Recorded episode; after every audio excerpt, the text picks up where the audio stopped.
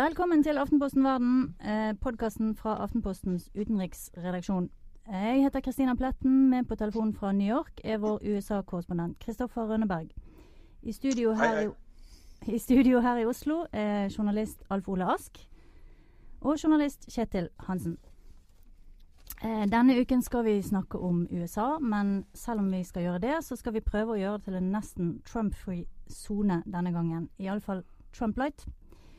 Eh, vi skal snakke om eh, noen forskjellige ting. Vi skal først prate litt om hva som skjedde med de tre republikanske favorittene som gikk på trynet én etter én etter tur. Vi skal diskutere om det er noen sjanse for at det kan dukke opp nye navn under landsmøtene i sommer. Vi skal møte Obamas kandidat til Høyesterett, og ikke minst, vi skal se frem mot Obama, Obamas historiske besøk på Cuba neste uke. Men først, Kristoffer, så må vi ta en fot i bakken eh, når det gjelder hvor vi står med disse primærvalgene. Det har vært veldig mye eh, nyheter og veldig mye dekning. Så eh, for å spørre deg et enkelt spørsmål, hvor mange kandidater er det egentlig igjen nå, og hva skjer nå fremover de neste ukene? Nå har vi eh, på republikansk side tre kandidater igjen. Det er eh, Donald Trump, Ted Cruz og John Kasich, eh, som er guvernør i, Ohio. På mm. demokratenes side så har vi Hillary Clinton og Bernie Sanders, som er de samme to som har vært der, vært der hele tiden. Det som skjedde på tirsdag, var at uh, man gikk fra fire til tre på republikansk side da Marco Rubio, som var en av disse forhåndsfavorittene, da han uh, trakk seg etter at han ikke klarte å vinne i, i hjemstaten Florida. Mm -hmm. Ja, og eh, På forsommeren i fjor, eh, når, når dette ble sparket i gang, så, så, var det nærmest opplest og vedtatt at det var kun tre republikanere som egentlig hadde en sjanse til å vinne. og Det var nettopp Rubio. Og så var det Jeb Bush, og så var det uh, Scott Walker, som er uh, guvernør i Wisconsin. Uh, men ingen av de har klart å overleve til nå. Marco Rubio var den siste av favorittene som forsvant ut. Så jeg vil gjerne spørre, hva, hva skjedde, Kristoffer? Hvordan kunne disse tre favorittene bomme så totalt? Hvis vi, hvis vi, hopper fire år tilbake i tid til, til 2012, eh, da republikanerne eh, satt igjen eh, etter valget der og lurte på hva som hadde gått galt, hvorfor Mitt Romney tapte, så var en av de tingene de fant ut, det var at de hadde vært for harde på immigrasjon. Så Derfor så måtte de forsøke å finne folk som kunne appellere til en større velgergruppe enn hva de hadde gjort i, i 2012. Og Det var en av grunnene til at vi fikk moderate uh, guvernører og folk som senator uh, Rubio som kom fram som, som, favoritter, fordi man tenkte at da kunne de appellere til, til flere folk enn, folk som hadde vært villige til å stemme på republikanerne i, i 2012. Man fulgte liksom en, en gammeldags tankemåte mm. som det plutselig ble tydelig at var gammeldags da man kom litt ut i valgkampen nå. Hvor folk vil ikke ha den gamle republikanske politikken, de vil ha noe helt nytt. Eh, de vil ha folk som Donald Trump, eller folk på den ekstreme høyresiden som, som Ted Cruz, som er de to som uh, virkelig er i, i, med i konkurransen på, på, republikansk side. Så kartet har liksom snudd litt opp ned, og det tror jeg tok uh, både republikanerne og alle oss observatører og vi som følger med på valget, fullstendig på sengen. Og det er, det er fortsatt veldig få som egentlig forstår hva var det som skjedde? Har, har, dette skiftet vært helt plutselig? Har det skjedd gradvis, og det var ingen som forsto at det skjedde? Uh, så her kommer det til å bli analysert veldig mye og skrevet uh, mange avhandlinger i, i, mange år fremover. Hvordan republikanerne plutselig så ut til å bli snudd helt på hodet. Analysen har vel allerede begynt når det gjelder hva, hva de gjorde feil, både Bush og, og Rubio, Alf Ole og Kjetil. Kjørte de veldig dårlige kampanjer, eller er det bare velgerne som har, vil ha noe helt annet? Jeg, jeg, tror kanskje at um, det er en ganske stor forskjell på Rubio og Bush. Bush uh, bar jo holdt på å si nærmest både faren og, og broren sin på, på, ryggen i tillegg.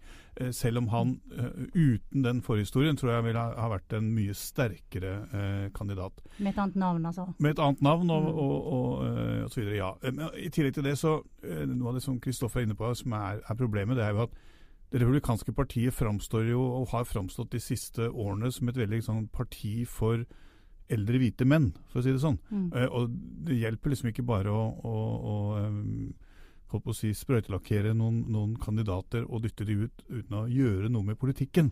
Og, og det, er, det, er, nok det som er et problem her, er at partiet har vært shanghaiet eh, eller kidnappet av tipartibevegelsen, som har presset de til høyre og gjort de til mer et parti for, for, for hvite menn enn hva de har gjort eh, tidligere. Jeg tror begge disse her to eh, fremstår som mer eller mindre erfarne politikere, og de republikanske velgerne vil ikke ha det. Um, Og Jabush Jeb Bush han kom seg jo aldri opp eh, fra grøfta i meningsmålingene. Eh, kampanjen kom liksom aldri i siget. Eh, og vi så at Trump kalte han for low energy. og mange andre styggere ting, men det var kanskje noe av det som traff mest. Han var ikke den elleville karismatiske kandidaten som de republikanske velgerne ville ha. Marco Rubio um, han uh, så til, gjorde det til tider bra, og så gikk han i bar iblant. senest i, mot slutten i en debatt, f.eks., hvor mm. han gjentok de samme tingene om og om igjen. kan hende at han ikke klart helt holdt for en lang kampanje. Men altså, disse kandidatene bruker jo enormt mye penger på å analysere velgerne. De har eh, folk som sitter med så komplisert software. De har eh, et stort apparat over hele USA og erfarne rådgivere. Hvordan kunne de ikke vite at dette skjedde? Kristoffer, har du nå gjort deg noen tanker om det? Det er, eh, jeg tror det er mange som, som klør seg i hodet og, og lurer på akkurat, uh, akkurat, det du spør om der, Kristine. Og En annen ting vi, vi uh, også kan nevne, er jo at penger ikke ser ut til å ha vært en stor faktor i denne valgkampen.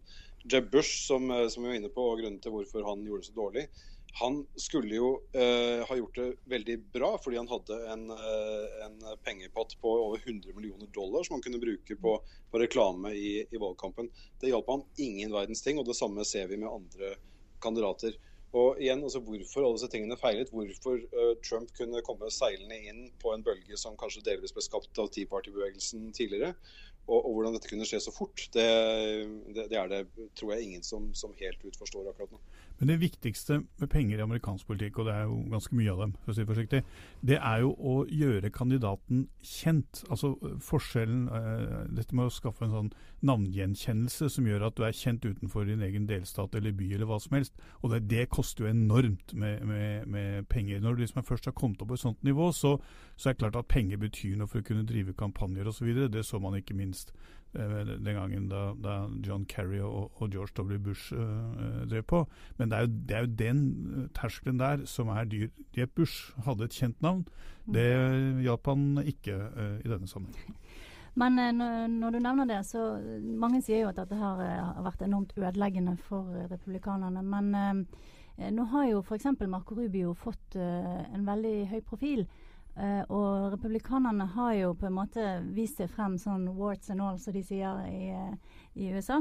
Uh, kan det komme noe godt ut av dette her for, for, for, det republikanske partiet? Altså Kan Rubio og kanskje Walker om fire, åtte, tolv år stille som sterkere kandidater, og, og, partiet på en måte bli gjenfødt ut av en vanskelig situasjon, Alf Ole?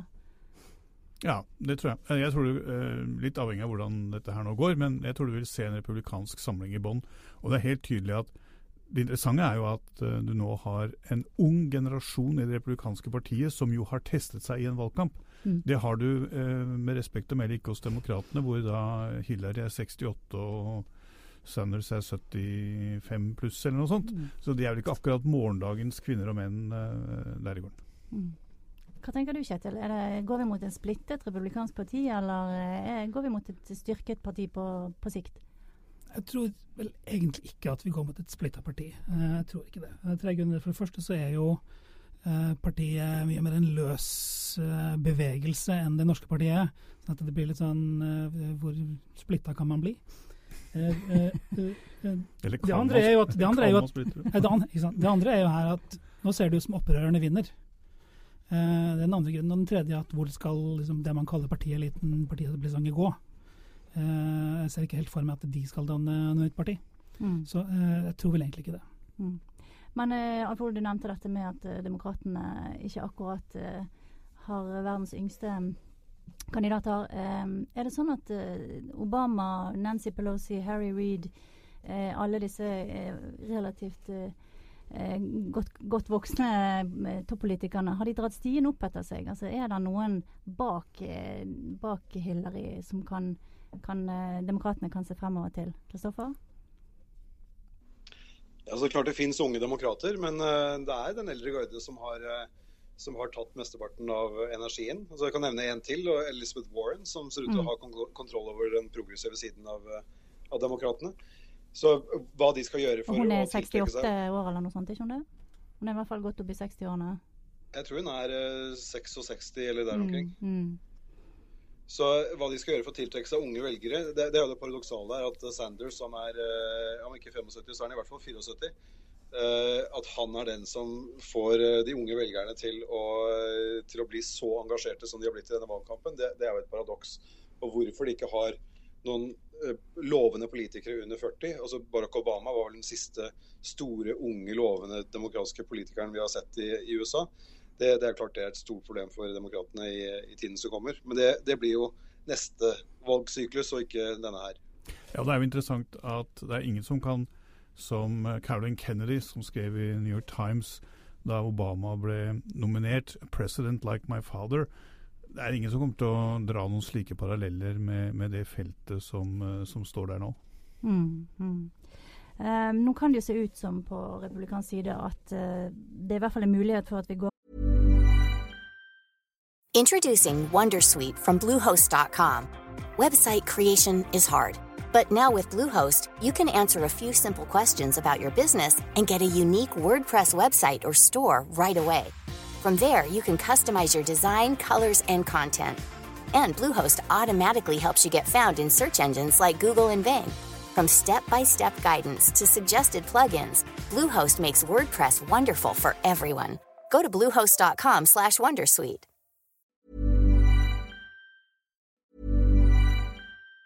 Say hello to a new era of mental health care. Cerebral is here to help you achieve your mental wellness goals with professional therapy and medication management support. 100% online. You'll experience the all new Cerebral Way, an innovative approach to mental wellness designed around you. You'll get a personalized treatment plan from a therapist, prescriber, or both in a safe and judgment free space. Your cerebral therapist or prescriber will outline a customized plan with clear milestones along the way so you can get to feeling your best. With Cerebral, you're not alone in your mental health journey. We're here to empower you to live a fulfilling life. So take that first step towards a brighter future and sign up today at cerebral.com slash podcast and use code ACasts to get 15% off your first month. Offer only valid on monthly plans. Other exclusions may apply. Offer ends July 31st, 2024. See site for details. Hey, I'm Ryan Reynolds. At Mint Mobile, we like to do the opposite of what Big Wireless does. They charge you a lot we charge you a little. So naturally, when they announced they'd be raising their prices due to inflation, we decided to deflate our prices due to not hating you. That's right. We're cutting the price of Mint Unlimited from $30 a month to just $15 a month. Give it a try at mintmobile.com slash switch. $45 up front for three months plus taxes and fees. Promo rate for new customers for limited time. Unlimited more than 40 gigabytes per month. Slows. Full terms at mintmobile.com. Mot et såkalt meglet landsmøte, det vil si at det ikke er noen um, Eh, som har eh, flertall av delegater når vi kommer så langt i juli. Eh, og alle som har sett House of Cards denne sesongen, har jo fått en smakebit på hva det går ut på. Um, men det som også kan skje i et meglet landsmøte, er vel at det kan komme eh, kandidater som blir lansert som ikke har stilt til valg. Og denne uken så sa John Bainer, som tidligere leder av Representantenes hus, han sa det at hvis det kommer så langt, så vil han ha Paul Ryan som eh, presidentkandidat. Kristoffer, er det noe sannsynlighet for at republikanerne til slutt kan ende opp med en som ikke har stilt til valg? Altså De begynte med 15-16 kandidater. Kan de ende opp med noen som ikke var blant de? Ja, først er jeg veldig glad for at du ikke sa noe mer om hva som skjer i House of Cards denne sesongen. det, har skjedd så mye på kveldstid. Av, ja. Enten er det valg eller så er det debatt. Så jeg har ikke, jeg har ikke fått eh, sett på den siste sesongen, så det, det gleder jeg meg til. Men uh, på spørsmålet ditt om meglet landsmøte Eh, der får vi den virkelige testen på hvor splittet partiet er. Eh, Donald Trump eh, varsler jo Jeg vet at vi ikke skulle ha en Donald Trump-sekvens i dag, men han har jo varslet opprør og, og riots hvis det blir et, et meglet landsmøte. Så da får vi virkelig se hvor, hvor ødelagt det, det republikanske partiet er blitt. Det er klart det er en mulighet at partiledelsen kan trekke en Ryan, eller kanskje til og med en Romney, ut av hatten hvis ikke man klarer å bli enige om noen andre kandidater. Men først og fremst er det jo Trump som må overbevise delegatene om at det er han som er den rette personen. Han må, opp i 1237 delegater uh, inn på landsmøtet for å få et rent flertall. Får han ikke det, det er da vi får dette meglede landsmøtet. Uh, men da vil han jo være nære uh, et flertall av delegatene. Så det vil jo i første omgang være opp til ham å overtale de andre da fristilte delegatene til å stemme på ham. Og så, Etter det så kan man begynne å få runder hvor man ser på andre kandidater. Men det er Mm. foreløpig veldig lite sannsynlig, tror jeg, at, eh, at det er Paul Ryan som blir republikanernes eh, presidentkandidat. Og det ble i hvert fall ikke Kevin Spacey. Det kan vi være enige om. Um, denne uken så lanserte Obama en uh, ny kandidat til Høyesterett. Uh, Merrick Garland. Um, og det er jo et annet eh, mulig konfliktområde i amerikansk politikk. Eh, men fortell oss litt om eh, Merrick Garland. Hvem er han, Kristoffer? Han er en eh, 63 år gammel, eh, svært merittert jurist eh, opprinnelig fra Chicago, som eh, siden 1997 har sittet eh, i, som, i den føderale ankedomstolen i, i DC, og nå de siste årene som, som leder av den. Eh, så han er eh, ansett som en av de fremste juristene i, i USA. Han har vært på, eh, eh, nominasjonslisten, eller han har vært blant de man har tenkt på eh, hver gang Obama har skullet eh, nominere en, eh, en person til Høyesterett. Han har gjort det to ganger før i, i sin presidentperiode. Så det, det, det var ikke veldig overraskende at det var han valget falt på nå. Eneste overraskelsen er kanskje at han er en hvit mann, og at han er uh, såpass opp i årene. Som 63-åring så har han ikke da en forventet veldig lang tid på, uh, i Høyesterett uh, hvis han skulle bli, bli bekreftet. Eh, det er også et klokt valg av Obama fordi han anses som ganske moderat. Han er populær blant eh, flere republikanske eh, senatorer, og det er Senatet som til slutt skal godkjenne ham hvis de, hvis de ønsker å gjøre det. Eh, Det er bl.a. syv av de i dag sittende republikanske senatorene som var med på å bekrefte ham da han ble valgt inn i ankedomstolen i DC i 1997. Og en fyr som senator Orrin Hatch fra, fra Utah sa så sent som søndag at han håpet at Obama ville nominere eh, Garland til, til Høyesterett. Så hvordan de nå skal eh, unngå at Obama får viljen sin i dette spørsmålet, det blir jo en kjempespennende sak nå i, i ukene og månedene som kommer. Ja, Kjetil, hvordan kan egentlig republikanerne forhindre at Obama får viljen sin? Nei, Først så må jo denne nominasjonen gjennom i en sånn komité som eh, sender den videre til behandling i Senatet. De kan rett og slett stoppe den der og la være å sende den videre. Eh, og dermed så nekte en behandling eh, av dette i det hele tatt. Og det er jo det eh, mange av dem sier at de vil. Så får vi se om de da tør å gjøre det når det kommer til stykket. Mm. På samme måte som de gjorde med ambassadøren til Norge i å, holdt på å si månedsvis. Men Alf hvorfor er det så viktig for amerikanske presidenter å utnevne høyesterettsdommere? Hva betyr det? Fordi Høyesterett i USA har en mye sterkere politisk rolle enn eh, det Høyesterett eh, i hvert fall er ment å ha i Norge. Men nå har nå Høyesterett i Norge beveget seg litt òg, men det er en annen diskusjon. Men eh, de, for, bare for å ta et konkret eksempel. Selvbestemt abort er i USA gjennomført i en høyesterettsdom, ikke gjennom et lovvedtak. Det er en tolkning av Grunnloven om kvinners rett til å bestemme over sin egen kropp. Eh, sånn at eh, De prøver masse slike saker eh, og går inn og tester politiske vedtak mot Grunnloven, og er dermed en mye mer politisk domstol. De beskyldes jo ofte for å være en gjeng med gamlinger som sitter der. Husk på at nå er vel gjennomsnittsalderen i den amerikanske høyesterett betydelig lavere enn Rolling Stones. Mm. Etter de siste Som ikke sier så veldig mye. Nei, men eh, det er få som ser på Rolling Stones som et gamlehjem.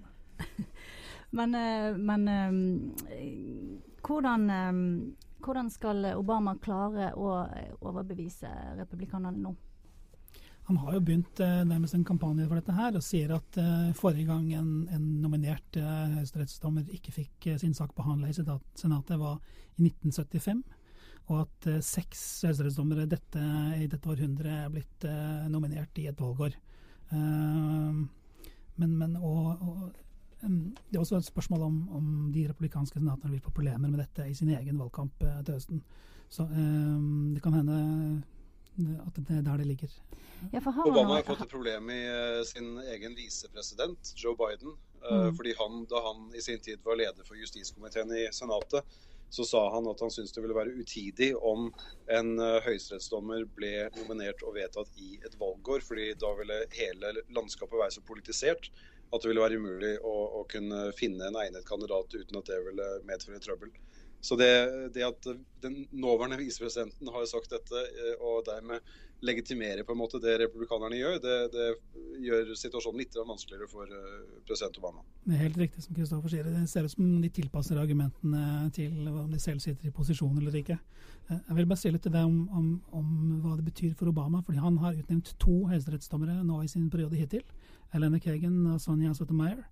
Eh, og har da muligheten nå til en tredje person. Og Kristoffer sier at han er 63 år, og kanskje ikke varer så lenge, men husk på at uh, John Paul Stevens, som er født i 1920 og fortsatt er i live, han trakk seg da han var 90 år. Mm. Han uh, kunne fortsatt vært høyesterettsdommer uh, i USA.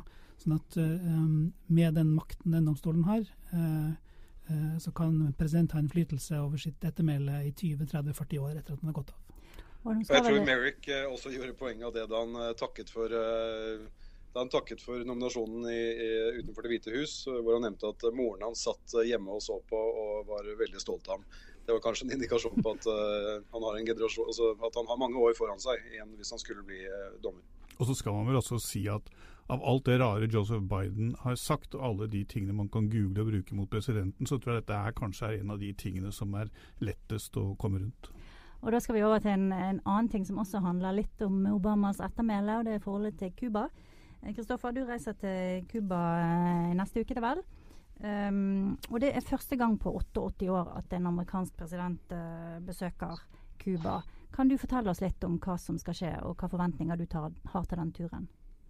Obama kommer til Havanna allerede på, på, søndag, og han har to-tre dager på, på, øya. Dette er jo såpass historisk at omtrent halve Washington DC kommer til å være med ham på denne turen. Det er masse kongressfolk og lobbyister og eh, sjefer for ulike eh, organisasjoner og, og, bedrifter som skal være med på turen. Så det kommer til å være Det har ikke vært så mange amerikanere på Cuba eller i Havana siden 1959. Eh, eh, så det blir, det blir, veldig spennende. og Bare det historiske ved det er jo interessant. Eh, jeg tror det mest symboltunge eh, ved turen blir kanskje en baseballkamp som skal spilles på, på tirsdag mellom Tampa Bay Race, et et baseballag baseballlag fra, fra, Florida og det cubanske nasjonallaget. Uh, baseball er en kjempestor sport også på Cuba. Og I tillegg til dette så skal det selvfølgelig være politiske møter, og Obama skal møte dissidenter og uh, få seg en sightseeingtur rundt i, i, gamle Havana. Men også Her møter jo Obama motstand fra republikanerne. og Har han egentlig oppnådd noe annet enn um, på en måte det som er regnet som en slags symbolsk handling, da? ja. ja. Det, altså, han har, er nå i ferd med å løse dette betente forholdet til Cuba, og det tror jeg eh, var, var, på høy tid. Og det du ser nå er noen politiske krampetrekninger, men, men dette er, eh, var på høy tid. Jeg har sjøl vært eh, på Cuba, og det, det, tusset jo amerikanere som hadde dratt dit via Canada og, og inn på andre måter. Og det er helt klart at dette var overmodent, og, og kommer til å stå igjen som som noe han uh, faktisk har, uh, har, fått til. En av, grunn, ja. en, av grunnene til at republikanerne har vært så imot uh, en oppmykning mot, mot Cuba, har vært at det cubanske miljøet i, i, Florida, spesielt i Miami, har vært så sterke lobbyister for det. Men det vi har sett de siste tiårene, er at de immigrantene som har kommet fra Cuba si på 90-tallet, 2000-tallet, de er ikke like beinharde på dette spørsmålet som hva, deres, hva de tidligere generasjonene har vært. Jeg var i Miami i forrige uke og snakket med ganske mange cubanske amerikanere der. Og det er et helt tydelig aldersskille eh, når det gjelder synet på Cuba og på oppmykning av den amerikanske politikken der. De eldre, de som kom dit eh, i Batista-tiden, altså før eh, Castro overtok, de vil fortsatt at det skal være helt atskilt, og at USA skal bare kjøre hardt på en eh, på en, eh, ikke, altså på en, konfrontasjonslinje. Mens de yngre cubanerne veldig gjerne ser for seg at man kan ha en normalisering av, av forholdet. Yes, Det tror jeg blir siste ord fra oss denne gangen. Du kan følge Kristoffer Rønnebergs reportasjer fra Cuba og resten av utenriksdekningen til Aftenposten på nett, på mobil og selvfølgelig på det gode gamle papiret. Tusen takk for oss.